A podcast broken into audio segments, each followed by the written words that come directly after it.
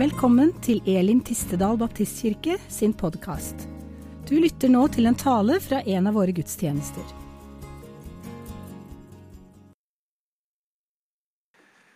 Ja, Kristian, Andreas og Julie, gratulerer med dagen. Vi gleder oss veldig her i menigheten over det valget som dere har gjort om å la dere døpe.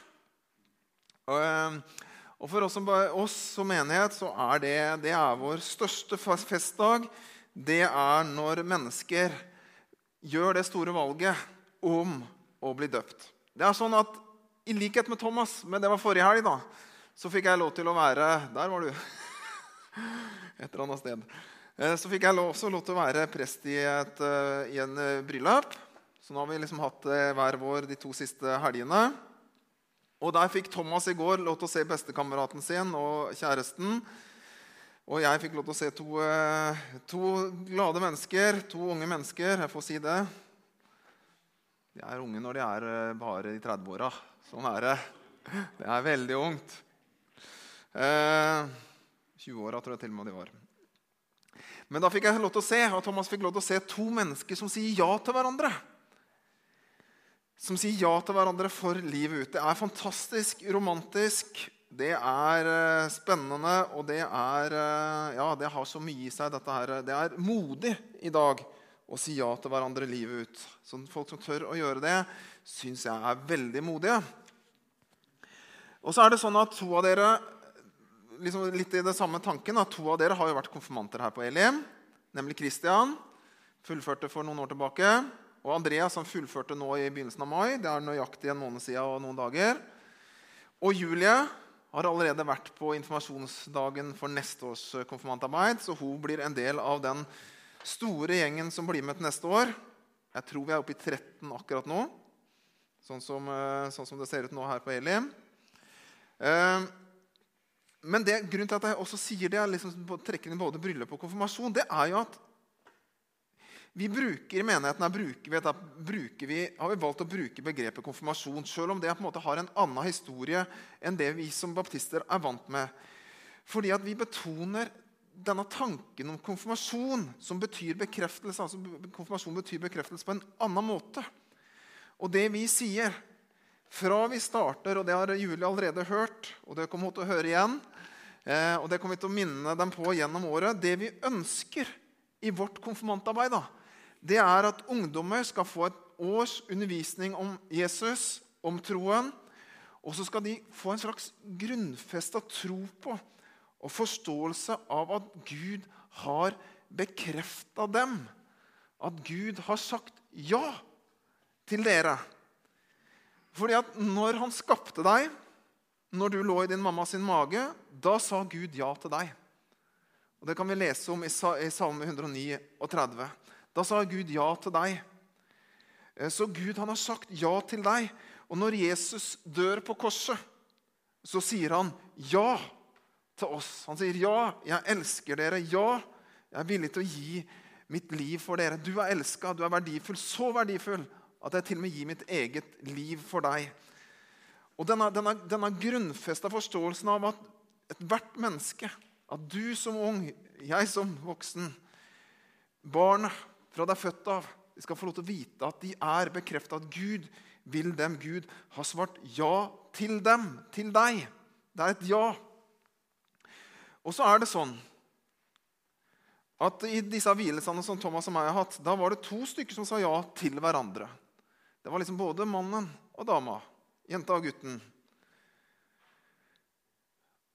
Og så kommer vi til dåpen. Dåpen er ditt ja til Jesus. Der Jesus har sagt ja til deg, der Gud har sagt ja til deg gjennom skapelsen, gjennom korset, så er dette dåpen. Det er et ja. Det er et ja fra dere og fra den som tror til Gud. Og så vet vi sånn at Folk kan gå og være sammen i flere år før man sier ja sånn offentlig. Og man har kanskje allerede innebestemt seg for at man vil leve livet, livet ut med hverandre. Eh, sånn kan det være. Og sånn er det også med dåpen. Det kan hende at dere har sagt ja eller lenge før dåpen skjedde. Men dette er et synlig ja. Et synlig ja for dere sjøl, et synlig ja for oss som er her, og et synlig ja for Gud. Og jeg tror at Gud, han er her i dag, han var her når dåpen skjedde. Og at han fryda seg over dere og over valget dere har gjort. Så jeg har lyst til å si litt om dåp i dag. Jeg skal bruke dagen til å si litt rundt det. Og Det jeg har kalt denne, denne, det jeg skal dele med dere, det er dåpens ja, har jeg sagt.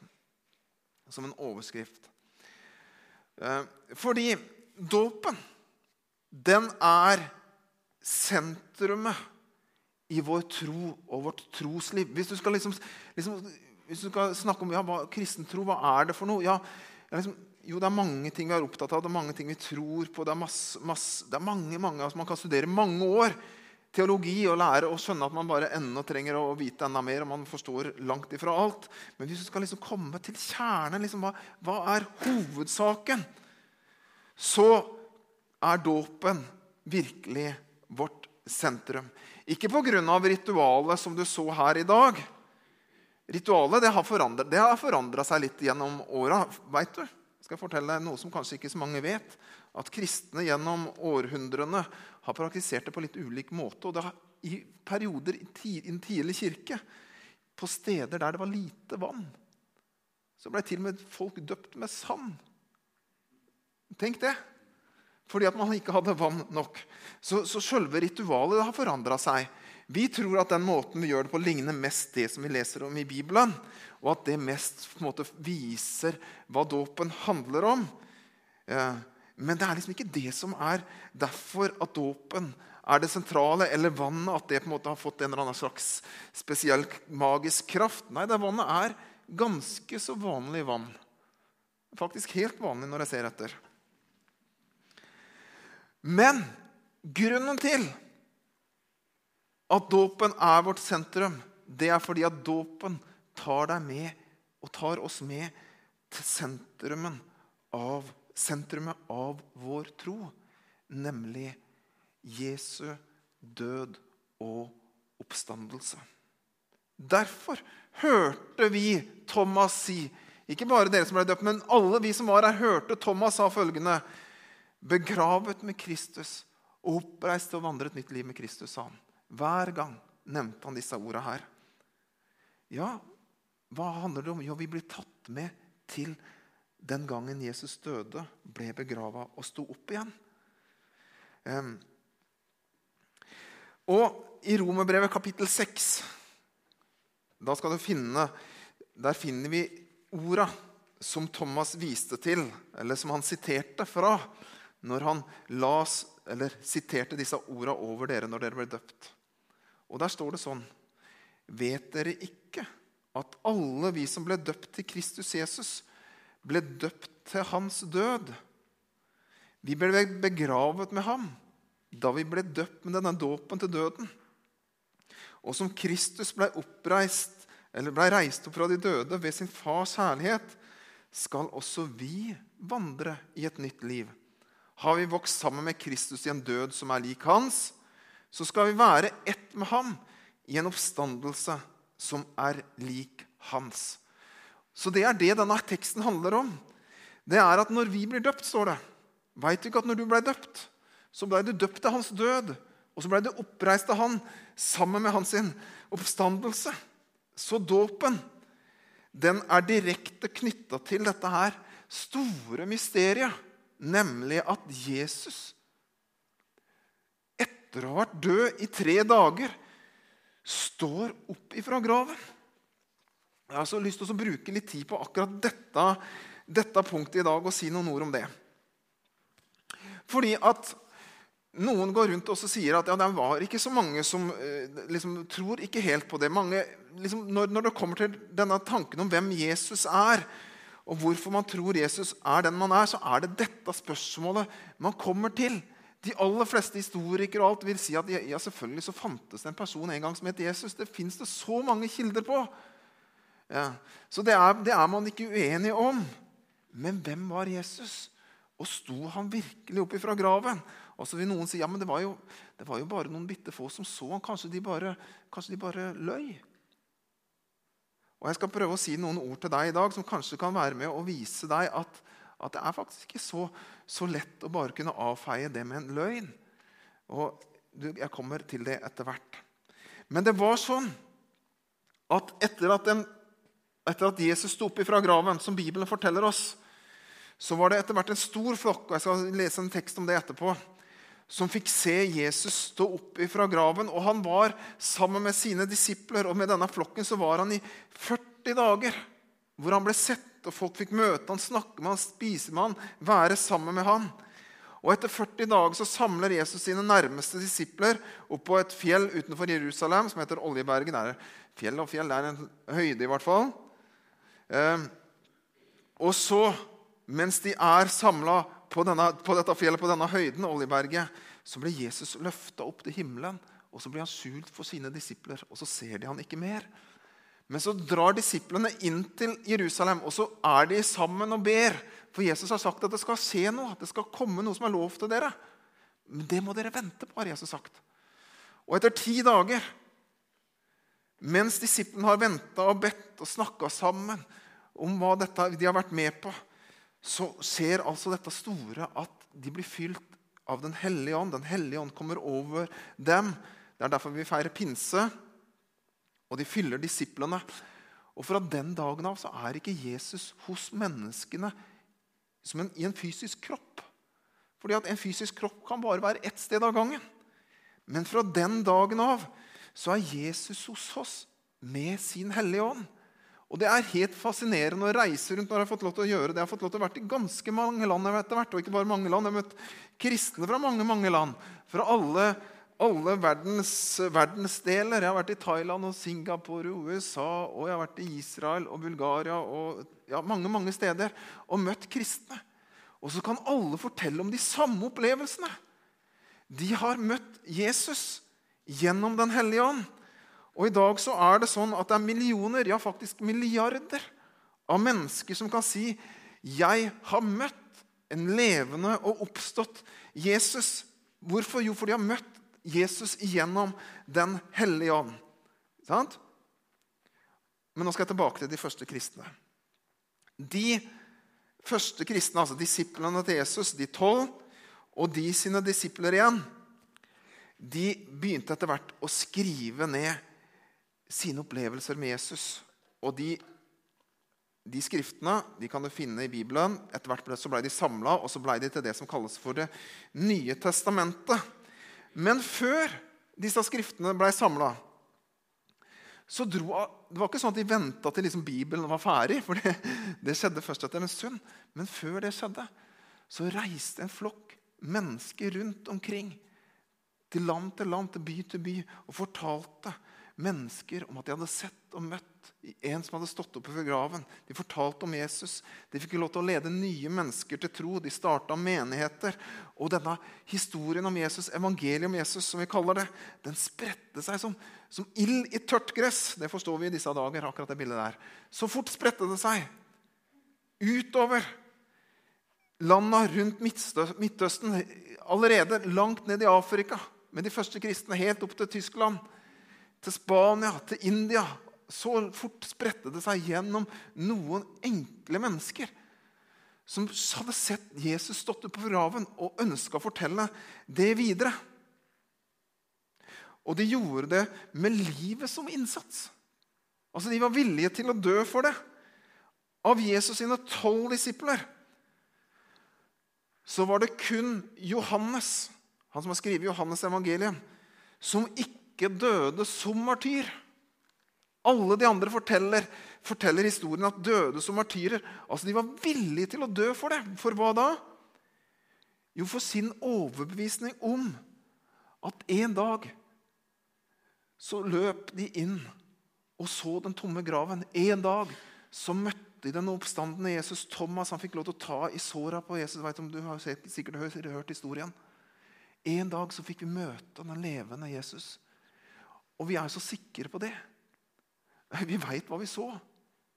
Og vi må fortelle hele verden om det. Og om de dreper oss for det, så kommer jeg allikevel til å fortelle, for dette er så viktig. Dette, her, dette gjør at vi må forstå hele verden på en ny måte. Vi må forstå Gud på en ny måte, vi må forstå livet på en ny måte.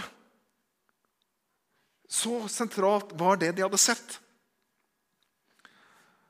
Og så tenkte kanskje du, kanskje noen av dere satt oppmerksomt og hørte når jeg sa Jesu tolv disipler. Og så tenkte du sånn hm, Ja, Magnar, der tar du litt feil, for det var jo bare elleve disipler igjen etter at Judas, den ene, forrådte Jesus og tok sitt eget liv. Og det er sant. Men jeg har lyst til å ta deg med til en skriftsted som, som jeg har valgt av en grunn. Fordi at disiplene, de elleve som er her igjen, de sier til hverandre Veit du hva? Vi må velge en ny disippel, vi. For Judas, han, eh, han svikta jo. Han er død. Men vi trenger å være tolv. Vi må velge en ny disippel. Og så har jeg lyst til å lese den bibelteksten for deg, eh, hvor de bestemmer seg for, hvordan de, for, for de, hva som er kriteriet for å skulle bli en del av de tolv disiplene.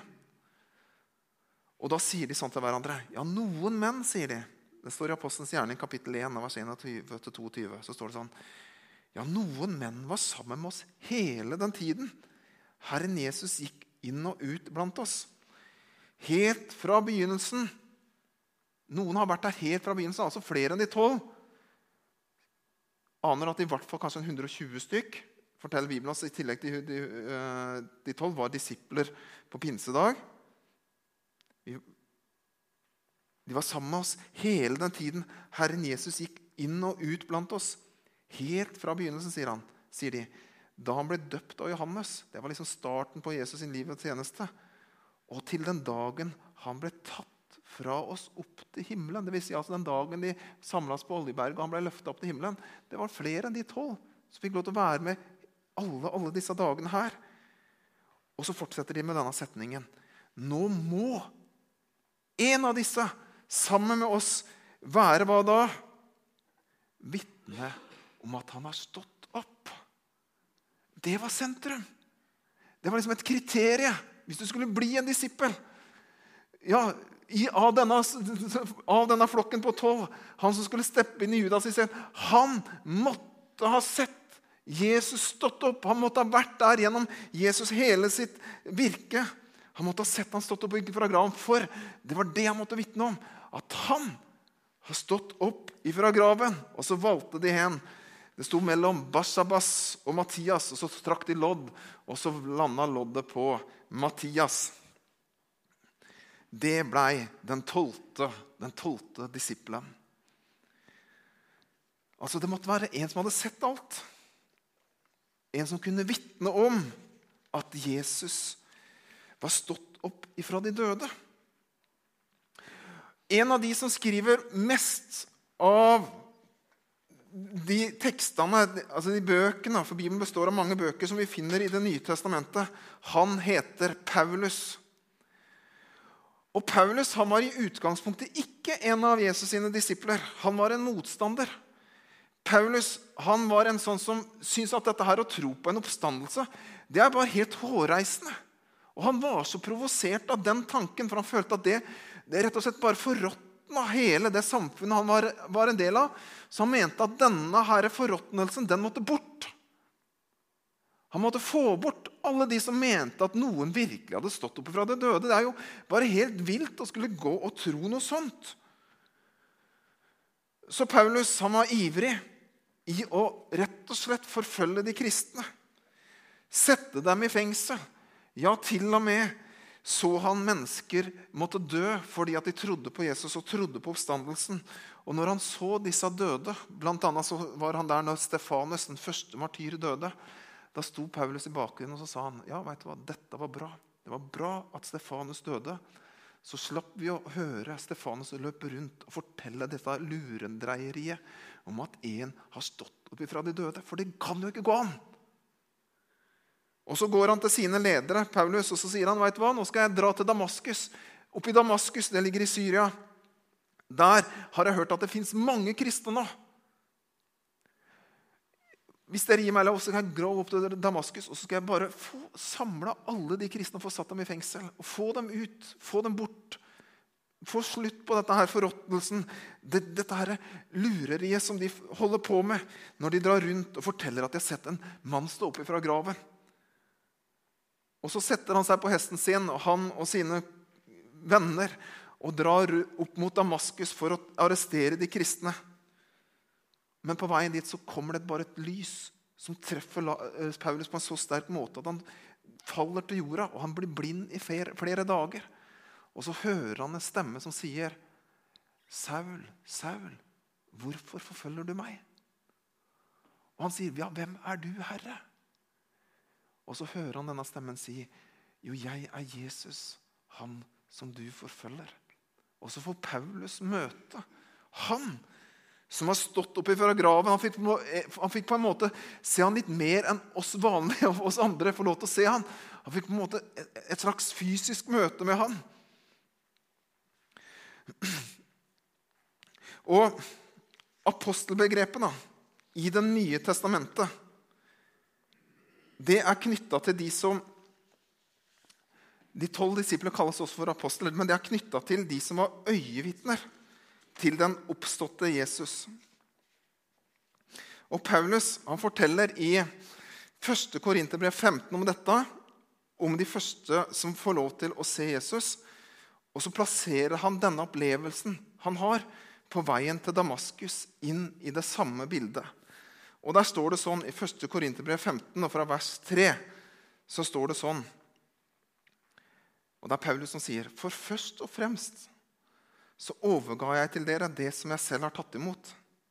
At Kristus døde for våre synder etter Skriftene. At han ble begravet, at han sto opp den tredje dagen etter Skriftene og at han viste seg for Kefas. Og Kefas det er et annet navn for Peter, altså en av disiplene. Og deretter for de tolv.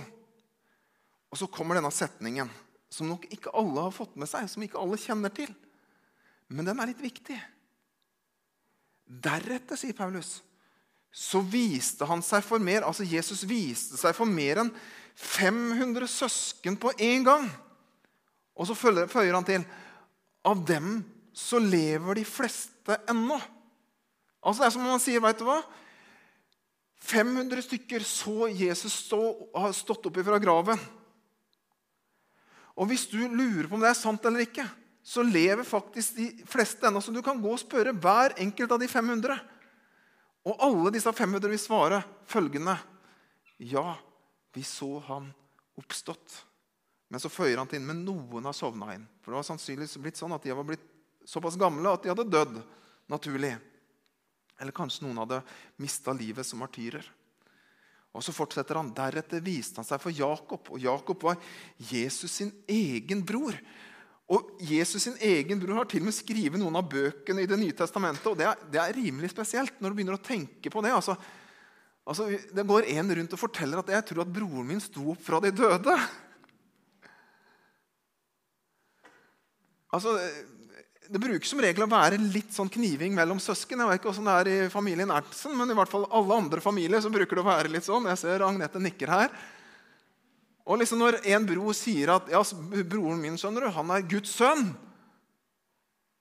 så må du enten tenke at han er totalt sprø, eller så må det være sant.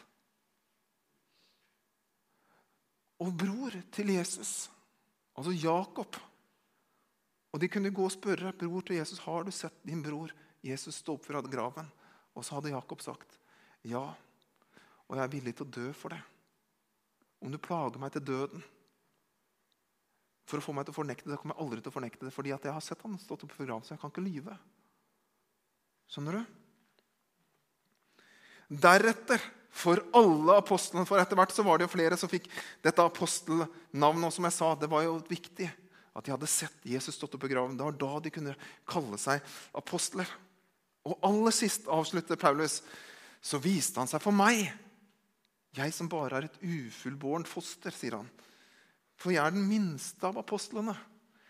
Jeg er ikke verdig til å kalles apostel, for jeg har forfulgt Guds kirke. Det var jo det han gjorde. Han forfulgte de kristne. Men så fikk han også lov til å bli en apostel fordi han hadde sett Jesus i dette synet, så vi kan se den oppstandende Jesus. Og Så begynner Jesus, Paulus å dra rundt og fortelle mennesker om Jesus. Og han gjør det. Og jeg må etter hvert også han dø for det han, det han tror på, og for den han har møtt. I dette samme kapittelet i 1. Korinterbrev 18 så det, Overskriften på hele kapittelet hvis du, hvis du, har en bibel foran deg, er rett og slett oppstandelsen. Hele kapittelet er et fantastisk flott og viktig kapittel å lese. Men Jesus sier at, eh, nei, Paulus sier det sånn at det drar noen rundt og tror ikke at det fins noen oppstandelse. sier han. Men hvis det ikke fins noen oppstandelse, ja, så er vår tro tom.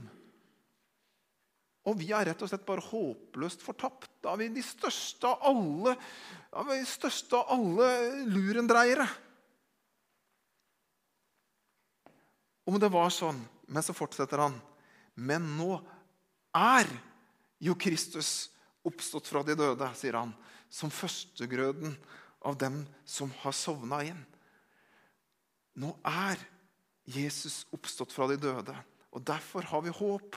Derfor er ikke vår tro tom, men tro, troen vår er vårt liv. Den er vårt sentrum. Og vi er ikke lenger håpløst fortapt. Nei, vi har håp, og vi har framtid foran oss. Alle som en. Og når dere da, Andreas og Julie og Christian, i dag har latt dere døpe, så har dere egentlig sagt et ja. Dette tror vi på. Ja, dette tror vi på. Dåpen det er den sterkeste bekjennelsen av at ja, jeg tror på Jesu død og oppstandelse. Dåpen er et ja. Jeg tror på deg. Jeg tror at du sto opp igjen, og jeg tror at du lever i dag. Men det er sånn at dere har sagt mer enn som så. Dåpen er ikke bare en sånn passiv beskuelse av noe. Det syns jeg er veldig flott når vi har dåp. Det er at den som tror og blir døpt, den er aktivt med i det som skjer. Og dere var jo der. I vannet. Der var dere. Ja, og dere ble dukka under, og det var dere som ble løfta opp igjen. Ikke bare satt dere og så det, men dere fikk lov til å være der. Eller ikke bare trodde dere at Jesus en dag ble begrava og en dag sto opp. For det er det dåpen viser oss. Nettopp dette som jeg har sitert fra Romerbrevet, at vi er begrava med Kristus og vi er oppstått med ham. Men altså, dere viser med den kroppen dere har, og med den handling dere har gjort, at dette har også skjedd med meg. Det har skjedd også noe med meg med meg som tror. Så Dåpen viser oss at ikke bare at dette skjedde en gang, at Jesus døde og sto opp, men den viser oss at du, de som tror, det skjer også med dem. Vi blir begrava med Kristus, og vi blir oppreist med ham.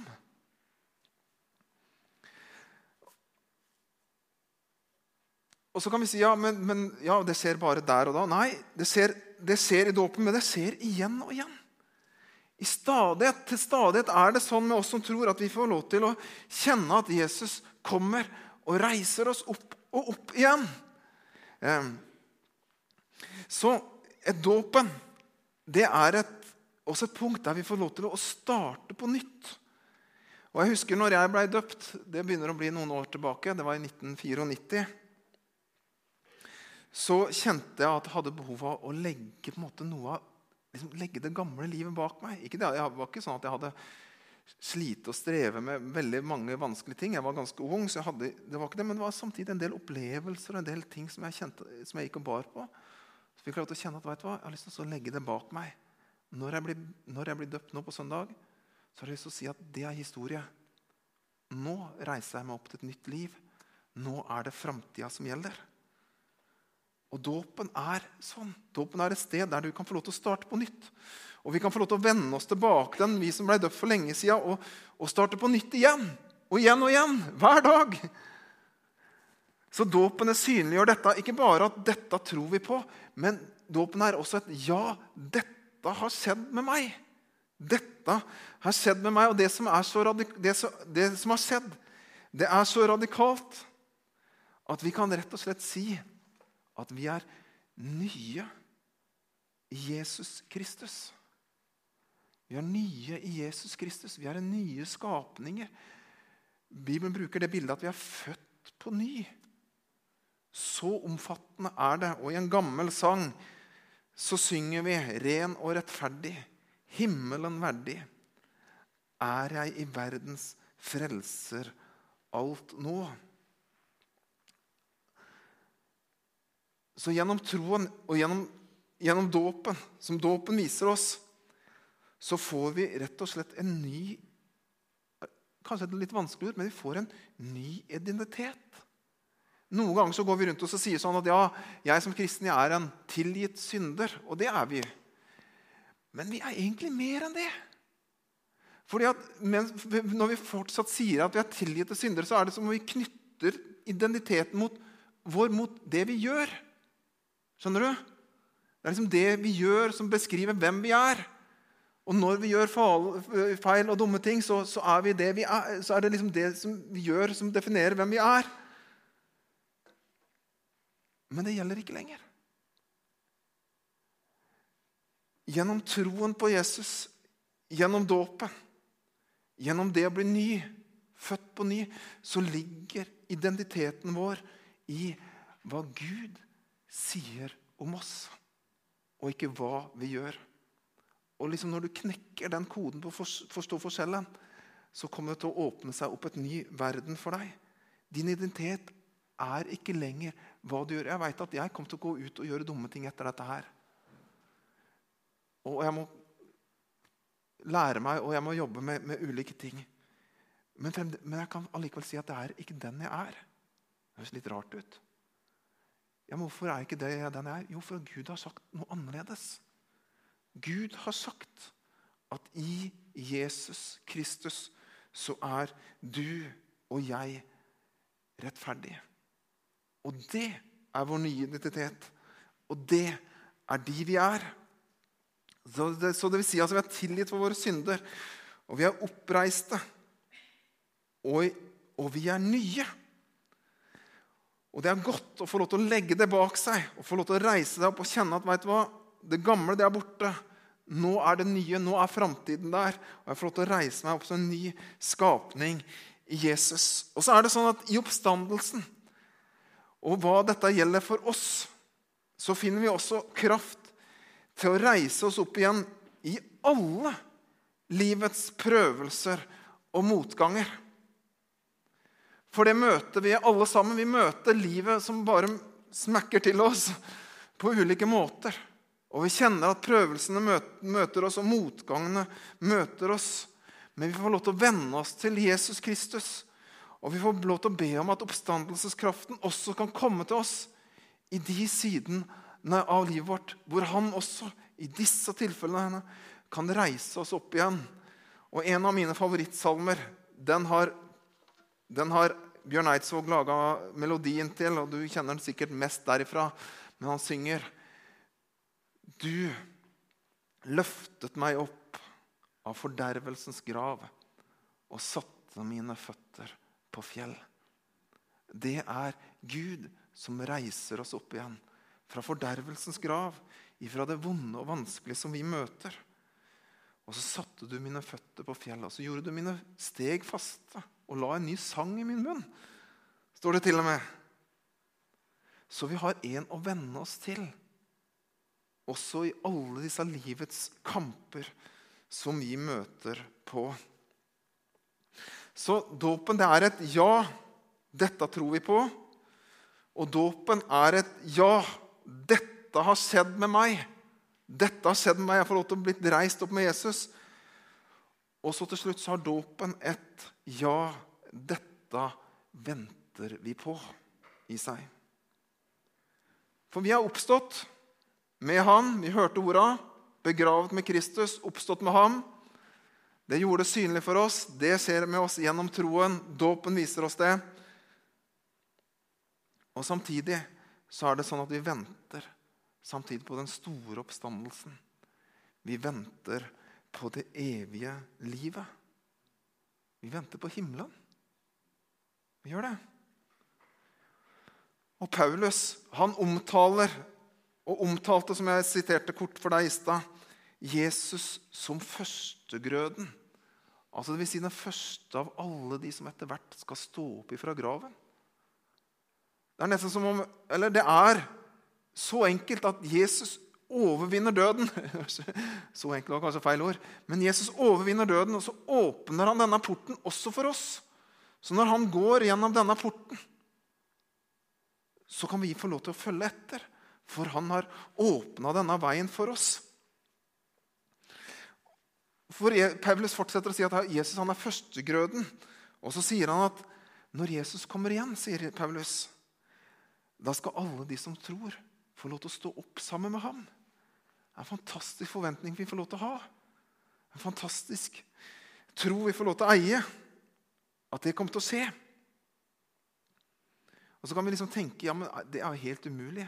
Ja, det er like umulig som at det sto en oppe fra graven for 2000 år siden. Men vi har jo møtt han. Og jeg må av og til si at jeg, jeg, jeg skjønner det ikke. Jeg fatter det ikke. Jeg klarer ikke min villeste forstand å forstå det. Men jeg tror det at en dag så skal jeg få lov til å komme til himmelen. Og Paulus han utbroderer dette videre, og så sier han at når, når, de, når de, kristne, de som tror på Jesus, har stått opp fra graven, da skal Jesus for evig beseire.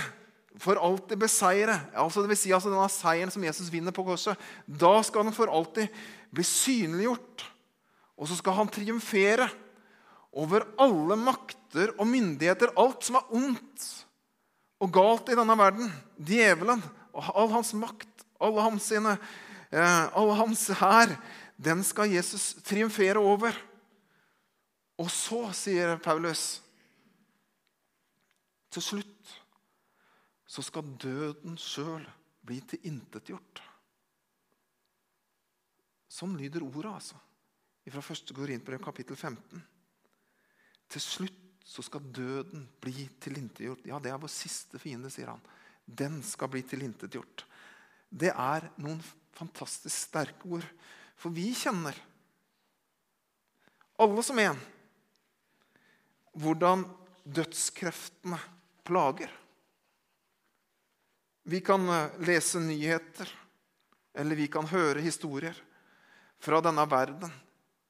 Fra den store verden, eller bare fra vårt land eller fra vårt nabolag. Og vi hører om hat og om krig og om ødeleggelser. Ja, det er dødskreftene som påvirker denne verden. Men en dag så skal de bli, bli tilintetgjort. De skal ikke være lenger. Det er fantastisk å tenke på. Eller vi kan kjenne i vårt eget liv hvordan dødskreftene også plager oss. Gjennom plager, sykdom, sorg, død. Vi er ramma av det alle sammen. Vi kjenner alle på dette sammen gjennom livet vårt. Men en dag, dere, så skal døden bli tilintetgjort. Og så skal vi få sammen stå opp til et evig liv i evighet og en evig herlighet og glede. Og dåpen viser oss det. Begravet, oppstått med Han nå i dette livet. Men en dag så skal vi få lov til å stå opp til et evig liv sammen med Jesus. Og I dag så har vi hatt dåp. Nå skal vi snart feire nattverd. Og da skal vi alle få lov til å venne oss til dette dåpens sentrum, nemlig Jesu død og oppstandelse. Og da har jeg lyst til å si det sånn Kanskje er det sånn at du sjøl vurderer dåp. Det vil si, si dette tydelig. Ja, du kjenner at ja, du tror på Jesus. Det har du bestemt deg for inni ditt hjerte. Men du har lyst til å gjøre denne markeringen. Dette, si dette ja, sånn som disse tre flotte ungdommene gjorde nå i stad. Da har jeg lyst til å oppmuntre deg til det. Da må du ta kontakt med Thomas eller meg eller noen andre her. Og så skal vi legge til rette for at det kan skje. Um, så det kan gjelde noen av dere. Eller Kanskje det er sånn at du kjenner at du trenger Jesu oppstandelseskrefter i livet ditt. At du kjenner at ja, jeg trenger at han kommer nå og løfter meg opp av fordervelsens grav. For det er akkurat sånn jeg føler at livet mitt er nå. Så har jeg lyst til å invitere deg og si at ja, da har vi lyst til å være med oss og be for deg i dag. Kanskje du er her og tenker at ja, men jeg veit ikke helt om jeg tror. Og så hørte du disse ordene om Den hellige ånd.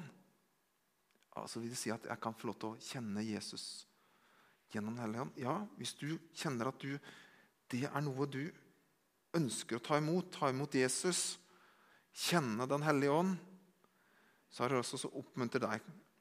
Vi kommer til å gjøre det sånn under bønnevandringen at vi også har en, eller under nattverden at vi har bønnelapper der. Så du kan også skrive for bønne, bønneevne om disse tinga. Så skal jeg ta med og lese og be for deg. Og så er det mulighet til å stoppe igjen med første benken for det som har lyst til å bli bedt for av ulike grunner. Så det er ulike muligheter under nattverden. Så nå skal vi feire nattverd sammen. Og så skal du få lov til å ta med deg disse tankene. Kanskje du kjenner deg utfordra til noe i dag. Kanskje du kjenner deg utfordra til dette av tro, til dette med dåp. Kanskje du kjenner at vet du hva, i dag så ønsker jeg at noen skal be for meg om at Jesu oppstandelseskrefter skal komme og løfte meg opp i den situasjonen jeg er i. Du er velkommen til nattvær, til bønn, til det vi skal være med på nå i den siste delen av gudstjenesten. Og Nå legger jeg denne stunda i dine hender, Herre Jesus. Jeg takker deg for ditt ord. Jeg takker deg for din Hellige Ånd. Takk at du er her, og du er rik og stor nok til å møte hver og enkelt av våre behov, Herre Jesus. Så nå legger vi denne stunden i dine hender, Jesus Kristus. Takk at du sto opp fra graven. Og takk at du lever i dag, Herre. Amen.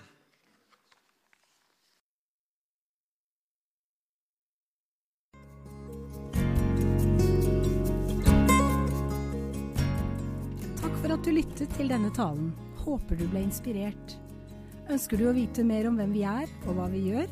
Sjekk ut vår hjemmeside elimtistedal.no.